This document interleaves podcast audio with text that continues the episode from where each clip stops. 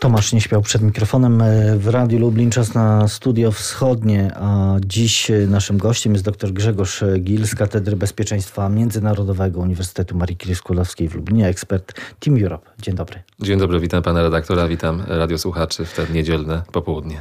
E, dziś kolejny dzień wojny na Ukrainie. Mm, ta wojna trwa, no i chyba nieprędko się skończy. Po ponad dwóch miesiącach walk mamy ogromne straty materialne. Oczywiście i także ludzkie, mm, a także nieznaną od II wojny światowej falę emigracji przymusowej. Na początek może takie pytanie, mm, którym też często otwieramy nasze rozmowy w studiu wschodnim. W jakim momencie tego konfliktu jesteśmy, panie doktorze? Ja nie jestem niestety werny chorą. I powiem szczerze, po pierwsze, tak troszkę złożę mm, samokrytykę, ponieważ absolutnie nie spodziewałem się takiego obrotu spraw. E, mówiąc wszystkim e, znajomym wszemi wobec, że do tej wojny nie dojdzie, jest to jeden wielki straszak, by wymusić na Ukrainie ustępstwa w sposób stosunkowo tani, pokojowy, bezkrwawy, tym samym e, mieć Zachód jednak uciszony. Putin zdecydował inaczej. Mamy już ponad, ponad dwa miesiące walk i w zasadzie widać, że jeśli chodzi o pewną logikę i dynamikę tej wojny, to, to ja tej logiki nie widzę. E, no miało być szybkie zdobycie Kijowa, to się nie udało. Po, tym, po tej próbie oblężenia e, stolicy tak. Ukrainy, mhm. e, teraz wojska rosyjskie koncentrują się na, na e, Donbasie, na e, południowo-wschodniej e, części Ukrainy. No mamy też te, te próby przebicia korytarza z Naddniestrza. Niektórzy też eksperci też wieszczą, no bo dziś wieścić tylko można, że jakiś przełom może nastąpić do 9 maja, no bo wtedy Putin chciałby ogłosić jakiś rodzaj sukcesu. Ja myślę, że a więc jakby to, co jest tutaj logiczne w tej wojnie, to jest brak logiki i, i chaos, degrengolada.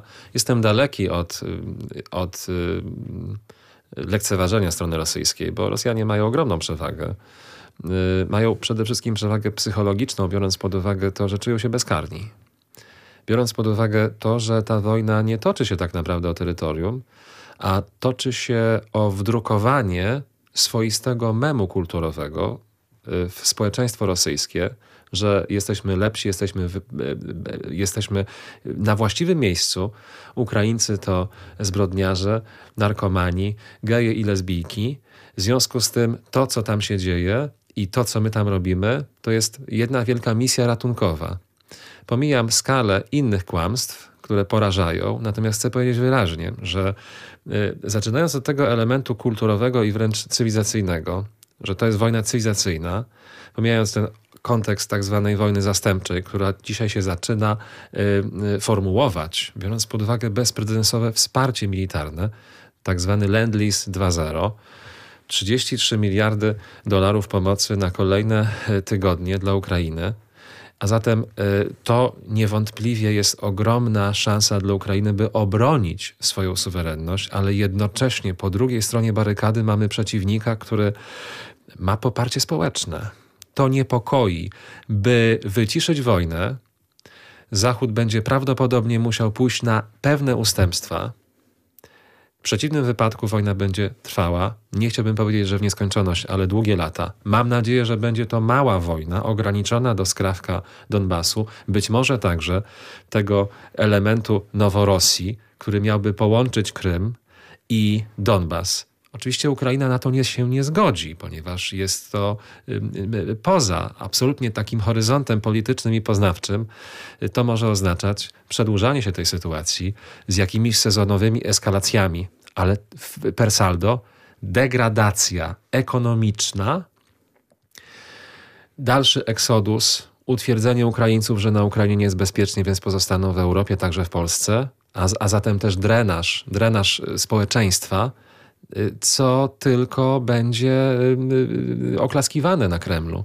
Y, chciałbym, by ten scenariusz się nie, nie ziścił. Jeśli chodzi, panie redaktorze, o 9 maja, Data 9 maja oczywiście symboliczna, zwycięstwo w Wielkiej Wojnie Ojczyźnianej, natomiast ja nie spodziewam się mimo wszystko, by ta data, biorąc pod uwagę dynamikę spraw i skalę poparcia wojskowego, wywiadowczego dla Ukrainy, by tutaj doszło do przełomu. Myślę, że Putin prawdopodobnie wykorzysta tę datę do mobilizacji społecznej jeszcze większej, uderzając w tony patriotyczne, uderzając w tony y, zbierania narodu y, pod flagą, jak to zwykle mówić, y, po to, by właśnie być może doszło do mobilizacji, nie wiem czy powszechnej, bo to by się kłóciło, bo tam nie ma wojny oficjalnie, więc jaka mobilizacja powszechna? Więc, więc spodziewam się spektaklu natury socjotechnicznej, raczej, aniżeli przełomu na froncie walk. Na ile możemy wierzyć Ukraińcom, bo wiadomo, że to jest też walka, to jest też propaganda z obu stron, że, że służby bezpieczeństwa Ukrainy donoszą, przed kilkoma dniami donosiły, że no, są zaskoczone. Nie ma żadnej logiki w działaniach rosyjskich. Jest to tak jakby imitowanie działań. Jeśli tak jest, to byłoby, ta, byłaby to dobra wiadomość. Może się okazać, że sami wojskowi zaczynają powoli sabotować decyzję Władimira Putina. To nie byłby dobry znak dla Władimira Putina. Y, ale y, najbardziej niepokojąca jest skala zabetonowania społeczeństwa. Jego y, odporność na, nieodporność na kłamstwa, co, co, co jest bardzo niepokojące i może oznaczać, że ten konflikt będzie miał pożywkę społeczną na kolejne długie lata. E, ta wojna oczywiście toczy się na płaszczyźnie propagandowej, no oczywiście militarnej e, przede wszystkim, ale, ale mamy do tego też tą kolejną odsłonę tej wojny ekonomicznej, hmm. no bo ona także toczy się na, na tej linii Rosja-Zachód. No, mamy zakręcenie kurka z gazem w kierunku Polski, która jak się wydaje chyba dobrze się przygotowała do e, tego scenariusza i jesteśmy jednym z krajów e, najlepiej przygotowanym do, do tej wersji, która nastąpiła już. No, to jest oczywiście e, pocieszające, że nasza mm, świadomość skali zagrożenia, które pełzało od już wielu lat, odkręcanie, zakręcanie, wszystkie inne historie, kontrowersje w stosunkach polsko-rosyjskich no, spowodowały, że, że no, brak y, zaufania. Zresztą Rosja na to zapracowała, powiedzmy sobie otwarcie. I, I dzisiaj ta sytuacja jedynie przyspiesza i potwierdza, że to Polacy mieli rację, mówiąc o tym, że Nord Stream 2 to jest projekt polityczny, geopolityczny, a nawet element takiej weaponizacji surowców, dostaw surowców energetycznych. Niemcy mówili wówczas, że absolutnie chodzi o biznes, komercyjny projekt. E, okazuje się jednak, że jest inaczej. Mamy perspektywę oczywiście gazu skroplonego, Mamy gazoporty, mamy Baltic Pipe na jesieni, otwart, który będzie otwarty i będzie zwiększał swoją wydajność, więc w tym przypadku Rosjanie strzelają sobie bramkę samobójczą. Mogliby dociągnąć ten kontrakt do końca, ale dbają o rubla, który traci, który trochę zyskał, ale jednak chcą y, ustabilizować sytuację u siebie. Stąd też ten wymóg y, płatności w rublach i takie troszkę odwrócenie uwagi z wojny, z okrucieństw na froncie do takich niesnasek ekonomicznych. E, gdyby nie było tego, co dzieje się na froncie, buczy, irpienia, Zachód tak chętnie nie słałby tam środków e, e, nie tylko defensywnych, ale także pewnych zaczepnych. A więc jest to szereg porażek Władimira Putina i przelicytowania. Ręce składają się do oklasków. Szkoda tylko, że to wszystko dzieje się ogromnym kosztem ukraińskim. E, dzieje się to y, ogromnym kosztem ukraińskim, ale także jest to, jak donosi, jak punktuje, można powiedzieć, amerykański felietonista New York Timesa, mhm. Brett Stevens na łamach Bilda. Y, jest to, są to skutki wieloletniej zażyłości rosyjskiego prezydenta Władimira Putina z kanclerzami Niemiec, Gerhardem Schröderem, Angelą Merkel. Niemcy stały się sługą rosyjskiego reżimu, y, twierdzi Stevens i pisze o tym, że uzależnienie energetyczne Niemiec od Rosji uznaje za jeden z największych błędów strategicznych współczesnej e, historii e, Europy.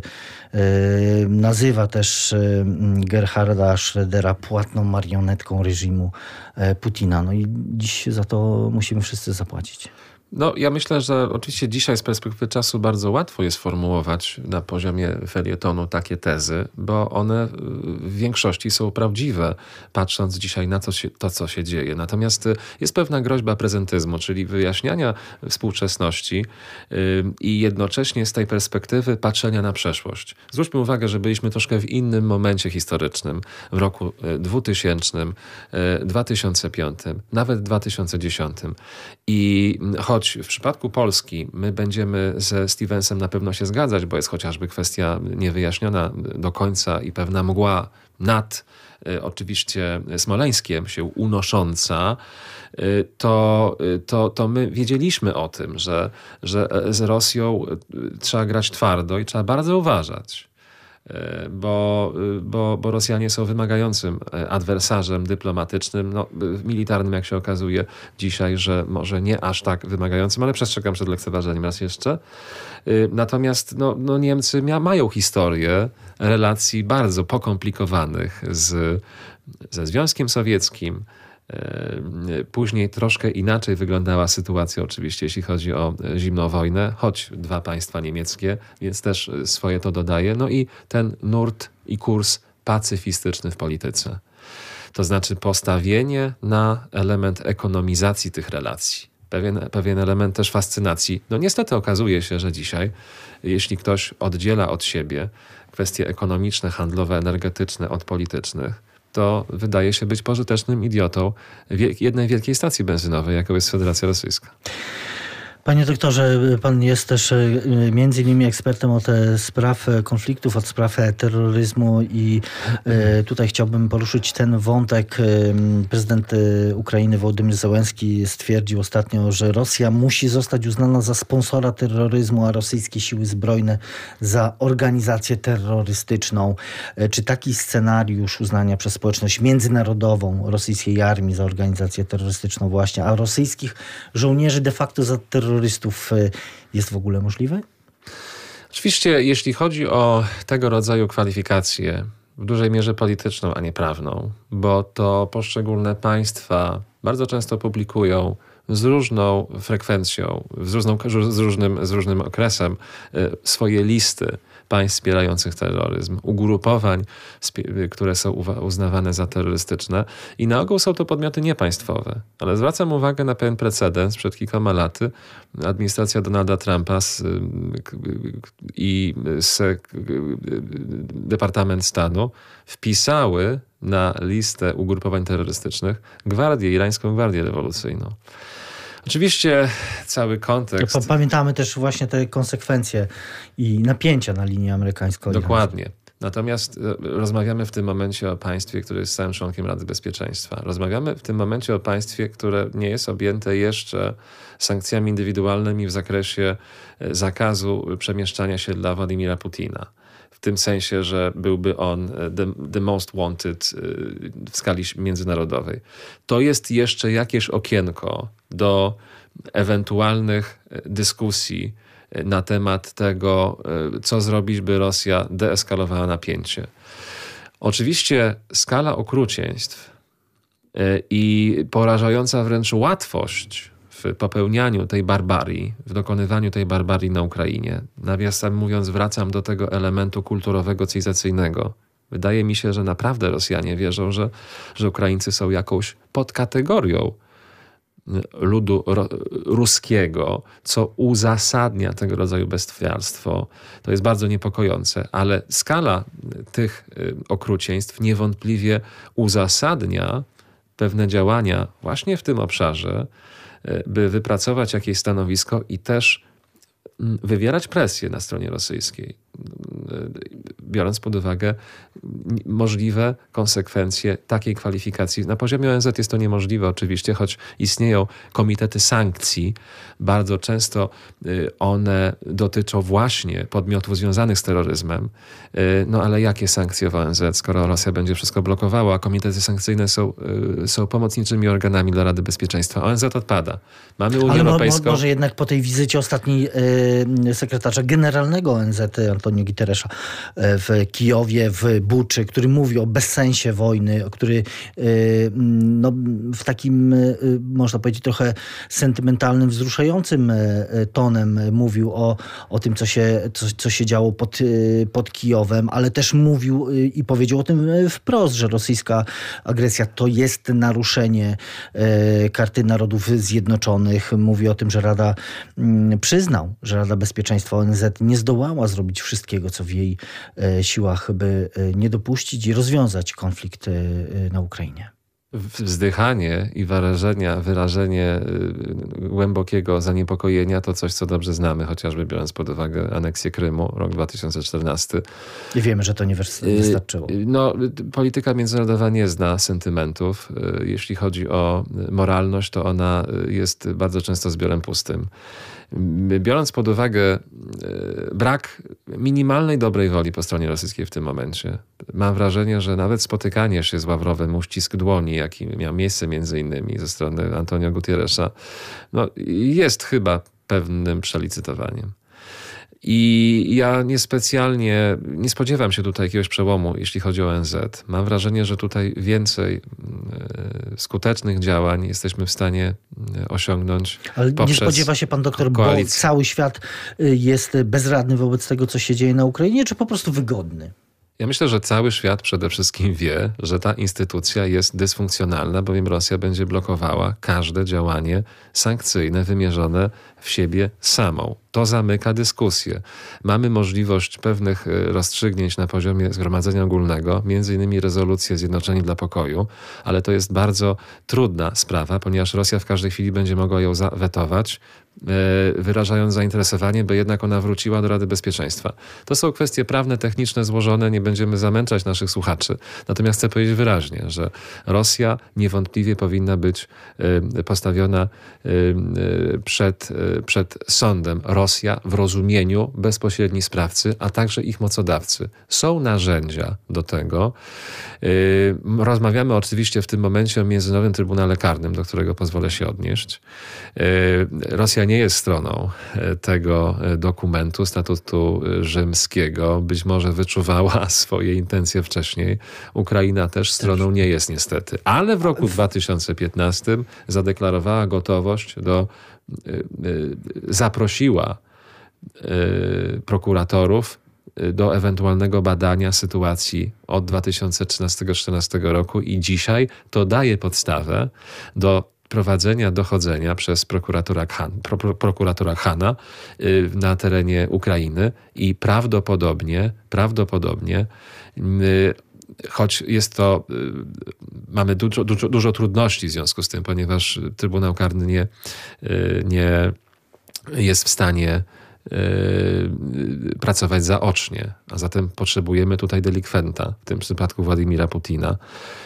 Państwa niechętnie wydają takich, takie, takie osoby. Oczywiście w przypadku Rosji to jest w ogóle jakiś dzisiaj political fiction. To nie wiem, co musiałoby się wyda wydarzyć, żeby Władimir Putin został wydany, żeby oczywiście międzynarodowy nakaz aresztowania całkiem realne, ale jeśli chodzi o wydanie, to jest mało realne.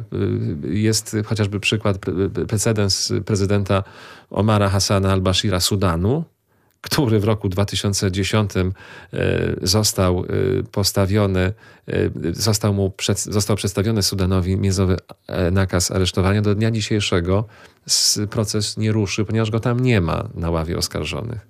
Co nie zmienia faktu, że ten, ta presja prawna jest niewątpliwie bardzo potrzebna. Obawiam się też jeszcze jednego scenariusza, że Rosjanie, którzy będą chcieli w jakiś sposób załatwić sprawę odpowiedzialności uniknąć na przykład kontrybucji, uniknąć reparacji wojennych. Oni podstawią figurantów w pewnym momencie, by usatysfakcjonować świat, no i panie redaktorze, no wrócić do rozmowy, e, no, pełnoprawnej rozmowy na, na, na, na forum międzynarodowym, bo dzisiaj nikt nie zadaje pytania, co musi się stać, żeby zdjąć odium krytyki i sankcje z Federacji Rosyjskiej to się wydaje dzisiaj po, zupełnie poza naszym zasięgiem, ale wydaje mi się, że no, sytuacja nie może trwać w nieskończoność. Zawieszenie RPA w ONZ przez 20 lat. 20 lat.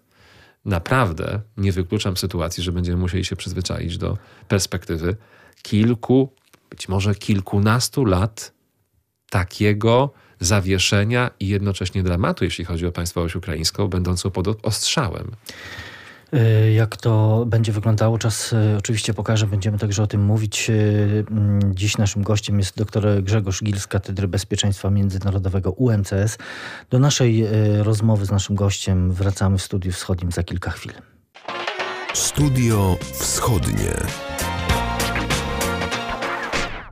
Studiu Wschodnim wracamy do rozmowy. Dziś naszym gościem jest dr Grzegorz Gil z Katedry Bezpieczeństwa Międzynarodowego UMCS, e, ekspert Team Europe. E, w tej części e, naszej rozmowy chciałbym skupić się na mm, jeszcze jednym wątku tej trudnej sytuacji, która rozgrywa się za naszą wschodnią granicą, mianowicie o mm, euroatlantyckich aspiracjach Ukrainy, o których mówimy już od kilku, właściwie dziesięciu lat y, y, y, no bo przecież 94 rok, wtedy nawiązane zostały stosunki Ukrainy z Unią Europejską i podpisano układ o partnerstwie i współpracy, ale no sytuacja dzisiaj jest oczywiście diametralnie inna. 28 lutego prezydent Ukrainy podpisał taki oficjalny wniosek o przystąpienie tego kraju do Unii Europejskiej i poprosił o natychmiastowe członkostwo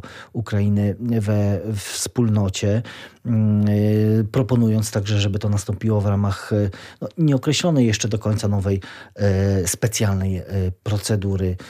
Czy jest na to szansa w obliczu tego, co się dzieje w tych ostatnich tygodniach?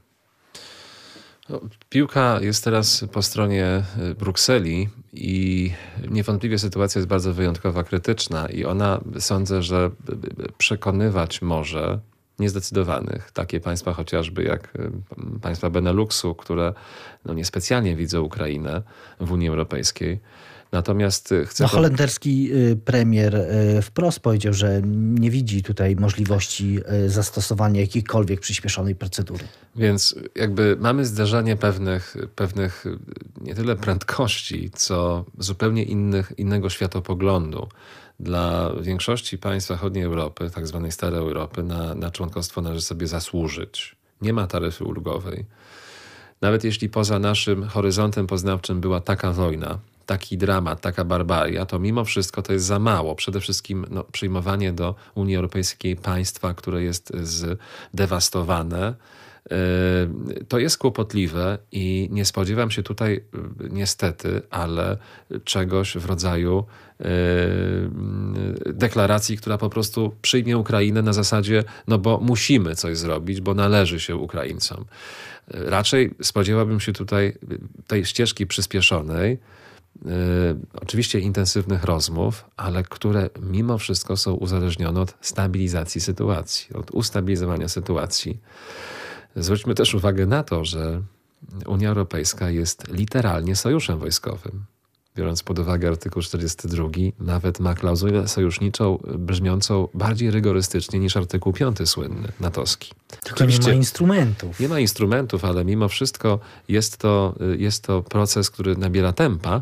Natomiast chcę powiedzieć wyraźnie, że y, ten miły gest odbieram go mimo wszystko bardziej, miły gest związany z przyjęciem tego oświadczenia prezydenta, odbieram go mimo wszystko bardziej jako element y, dyplomacji i narzędzie polityczne, polityczne służące do zamrożenia status quo z 24 lutego, że Ukraina jest państwem, jest suwerenna, ma być y, chroniona jej integralność, ponieważ Unia Europejska zaczyna z nią rozmawiać, to znaczy, że Europa jest niejako gwarantem tego status quo w rozumieniu, że nie akceptujemy więcej, żadnych zmian. Szefowa Komisji Europejskiej y, Ursula von der Leyen y, powiedziała wprost podczas swojej wizyty w Kijowie: Ukraina należy do europejskiej rodziny.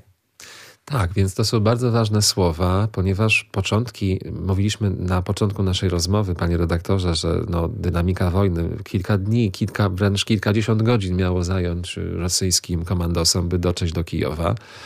I tak naprawdę no, świat też stanął, stanął w osłupieniu, bo, bo są ludzie, by, byliśmy tym zaskoczeni i też nie byliśmy przekonani, na jak długo wystarczy ducha walki i uzbrojenia Ukraińcom.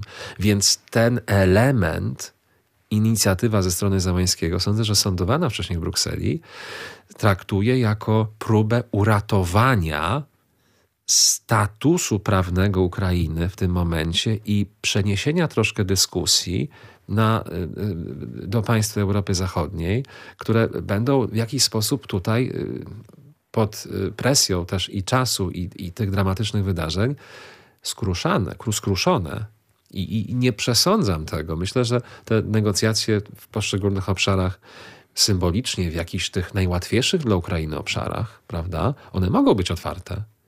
Wiemy po y, polskim doświadczeniu, że to jest wieloletnia przygoda, no dzisiaj też wiemy, że Ukraina na takie wieloletnie y, negocjacje czasu nie ma i mieć nie będzie. Zgoda, natomiast no, przyjęcie Ukrainy w tym momencie na zasadach wyjątkowych oznacza w zasadzie jednostronny transfer, odbudowę tego państwa, no ale by odbudowywać na Boga, i by eksponować tablicę sfinansowaną z funduszy Unii Europejskiej, no musimy mieć pewność, że jest jakiś minimum bezpieczeństwa, że ta infrastruktura nie będzie za chwilę zdewastowana przez Rosjan, którzy nie, nie ma tutaj żadnej logiki, bombardują, yy, bombardują wszystko, a yy, to prawie czego nie powinni bombardować, więc, więc myślę, że takiej yy, takiego y, zachowania nie oczekiwałbym po europejskich y, stolicach, nawet jeśli chodzi o, o Europę Środkową, biorąc pod uwagę realne niebezpieczeństwo, że to wszystko będzie zdewastowane, że, że, że Rosjanie naprawdę nie znają żadnych tematów tabu. Natomiast krok niewątpliwie ważny i przeciągający, przeciągający linę w stronę Europy Zachodniej. O Lentlis już mówiliśmy i o tych aspiracjach natowskich. Sprawa tutaj jest dużo bardziej skomplikowana. Gdyby było inaczej, to NATO byłoby w stanie e, rozciągać jakiś parasol ochronny. Są analitycy, którzy mówią dzisiaj, że NATO robi za mało, że trzeba by było wprowadzić tą strefę zakazu, zakazu lotów, e, ale to jest bardzo skomplikowane i prędzej czy później oznaczałoby też konieczność rażenia celów wyrzutni rakiet rozlokowanych na Białorusi czy w Rosji. E, umówmy się, jeśli akty sabotażu inspirowane przez y, służby ukraińskie, być może także jakieś inne, na terenie Rosji dzisiaj mają miejsce, no to taka destrukcja wyrzutni rakiet po stronie rosyjskiej, no wciąż oddziałuje to na naszą wyobraźnię i ten element strachu w tym przypadku akurat wydaje się uzasadniony. E, że można liczyć, można się spodziewać kontr. E, no tym bardziej, że Władimir Putin cały czas yy, mówi i daje znaki, yy, że hmm. to widmo yy, użycia sił na które Zachód nie jest przygotowany albo których nie ma w użyciu, no jest realne. Przynajmniej takie deklaracje z ust prezydenta Federacji Rosyjskiej padają. To prawda. Jedni odbierają to jako strachy na lachy przysłowiowe, Europa Zachodnia na pewno, y, stolice państw Europy Zachodniej y, y, patrzą na to bardzo poważnie, bo, bo są trochę w innej sytuacji. Wytrąceni ze strefy komfortu. My, my mamy jakby, my tej strefy komfortu specjalnie jako Polacy, jako, jako Słowacy, jako Litwini, nie zażyliśmy specjalnie długo tej strefy komfortu. Europa Zachodnia jest w innej przestrzeni mentalnej.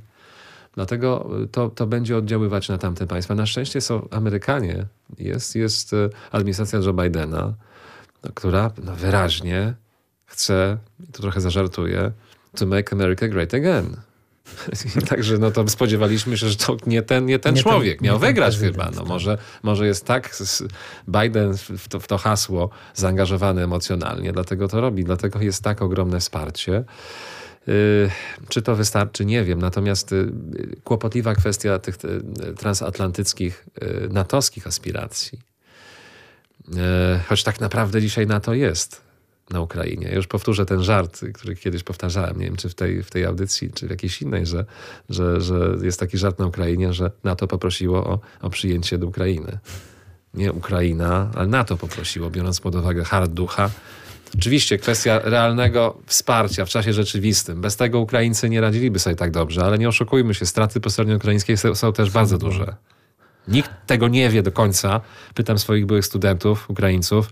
Nie ma, nie ma, nie ma. Przesyłają mi dane na stronę dotyczące Rosji. Mówię, nie o to mi chodzi. Pytam o, o Ukraińców. Więc jakby jest to owiane tajemnicą i być może dobrze. Jedno jest pewne. Ukraińcy się nie poddają. Nie poddadzą. Pytanie, na ile wystarczy politycznego zacietrzewienia po stronie Rosji, by ten konflikt prowadzić i jak go prowadzić, bo wydaje się, że dzisiaj kumuluje się wszystko na południu.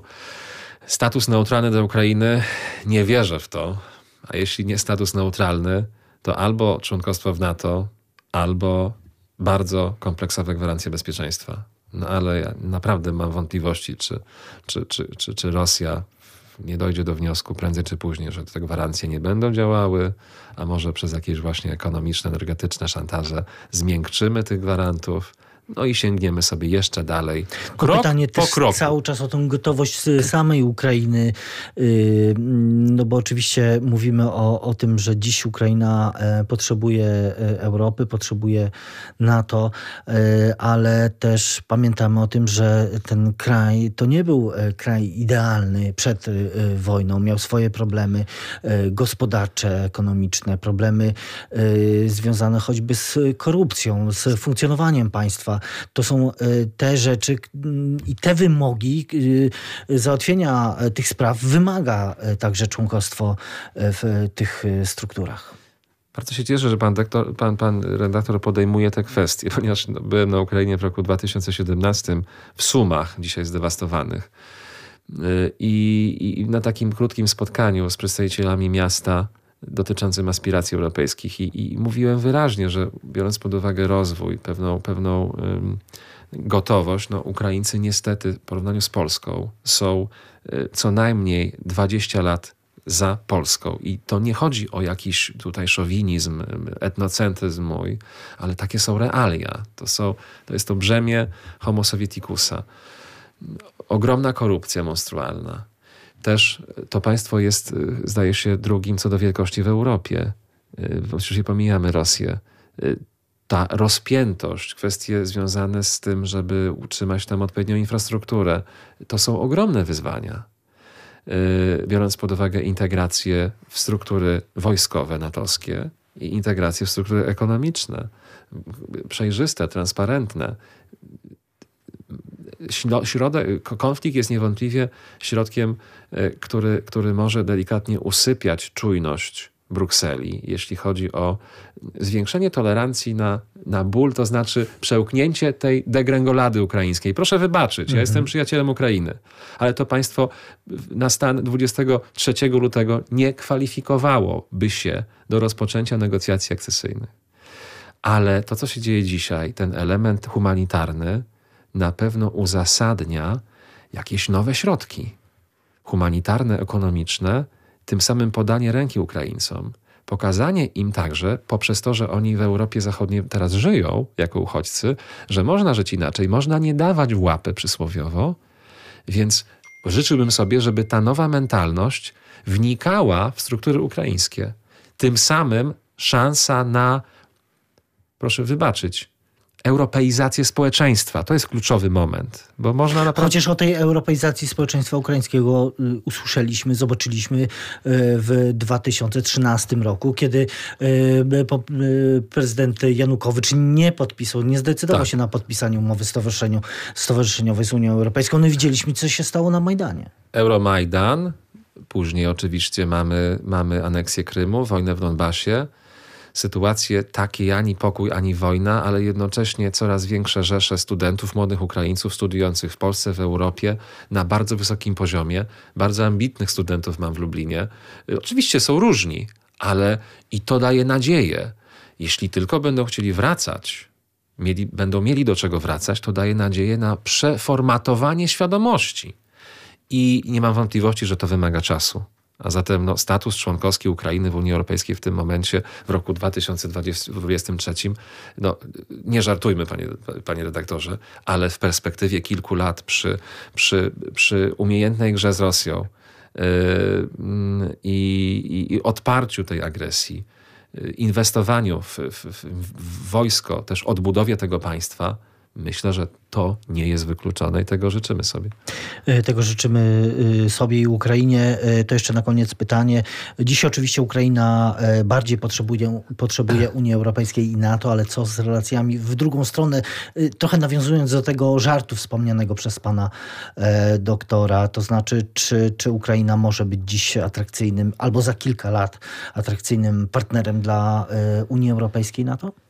Ukraina przede wszystkim jest atrakcyjnym partnerem, jeśli chodzi o Polskę, biorąc pod uwagę przesunięcie y, flanki wschodniej Unii Europejskiej i, i, i NATO dalej na wschód to jest coś, y, czemu na pewno Polacy kibicują i, i, chyba się z tym zgodzimy, że ta strefa, powiedzmy, potencjalnego zgniotu, strefa buforowa, przesuwana na wschód, przy tak dużym terytorium ukraińskim jest czymś bardzo dobrym.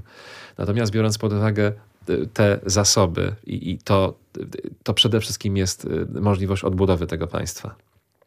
Będzie bardzo wielu chętnych. To mogą być oczywiście podmioty europejskie, ale to mogą być Chińczycy. O Rosjanach zapomnijmy. Y, więc y, to też jest dodatkowe wyzwanie pewnej takiej ekonomicznej penetracji relacje Unia Europejska-Chiny zaczynają przypominać y, y, no, wyraźną rywalizację, nie powiedzieć konflikt ekonomiczny. Y, Chiny robią wszystko, by rozbić jedność Unii Europejskiej. No więc Ukraina może być dodatkowym argumentem, by osłabiać Unię Europejską. Więc mamy tutaj szereg różnych opcji. Nie mam jednak wątpliwości, że Ukraińcy przede wszystkim odrabiając pracę domową, no jakby mam wrażenie, że rozbudzają świadomość Europejczyków, że pokój nie jest dany raz na zawsze. Może, może zostawmy już armię, nie rozwijajmy armii. No, no nie, no właśnie, no może z dnia na dzień niemalże, z miesiąca na miesiąc dojść do jakiejś eskalacji. I, i, i jeśli solidarność, to, to no dobrze, no właśnie, jeśli, jeśli zależy nam pokoju, to, to, to musimy wziąć odpowiedzialność i, i wszyscy ponieść koszty. Okazuje się dzisiaj, że no, walka y, z, z Rosją rozpoczyna się y, albo kończy na naszych portfelach. I do tego niestety musimy się przyzwyczaić. Jeśli chcemy, by ta y, wojna została wygrana, no to musimy zwiększać swoją tolerancję na niestety drożejące e, surowce, produkty rolno spożywcze i widzimy to i nie spodziewam się tutaj niestety przełomu w drugą stronę i jakiegoś uspokojenia. Także Ukraina może być atrakcyjna, ale też jest to bardzo ciekawy element gry geostrategicznej pomiędzy mocarstwami. Rosja wydaje się tutaj spalona, no tym bardziej też, że nie wydaje się, że, że Rosja e, na jakimkolwiek etapie będzie w stanie pogodzić się z, e, no właśnie z członkostwem Ukrainy w strukturach zachodnich i takim zupełnym uniezależnieniem. Ten scenariusz marzenie to jest zmiana reżimu w Rosji, być może poparta, poprzedzona jakimś, jakimś porozumieniem, by nie sądzić Putina, ale Rosja, która będzie gotowa do takiej pokojowej zmiany, zaakceptuje, że Ukraina jest przegrana, być może będzie w ten w swój sposób y, y, stabilizować też inne reżimy quasi-autorytarne, wysyłając tam tych tak zwanych mirotworców i tak dalej.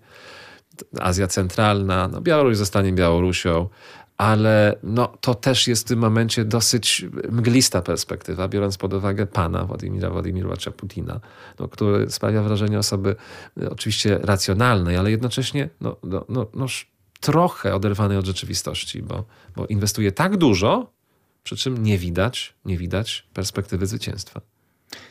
I to postawmy kropkę. Doktor Grzegorz Gil z Katedry Bezpieczeństwa Międzynarodowego, ekspert Team Europe, był gościem Studia Wschodniego. Bardzo dziękuję za rozmowę. Dziękuję bardzo, pozdrawiam. I to wszystko w naszym programie na dzisiaj. Studio Wschodnie wraca na antenę Radia Lublin za tydzień. Do usłyszenia w następną niedzielę po godzinie 14.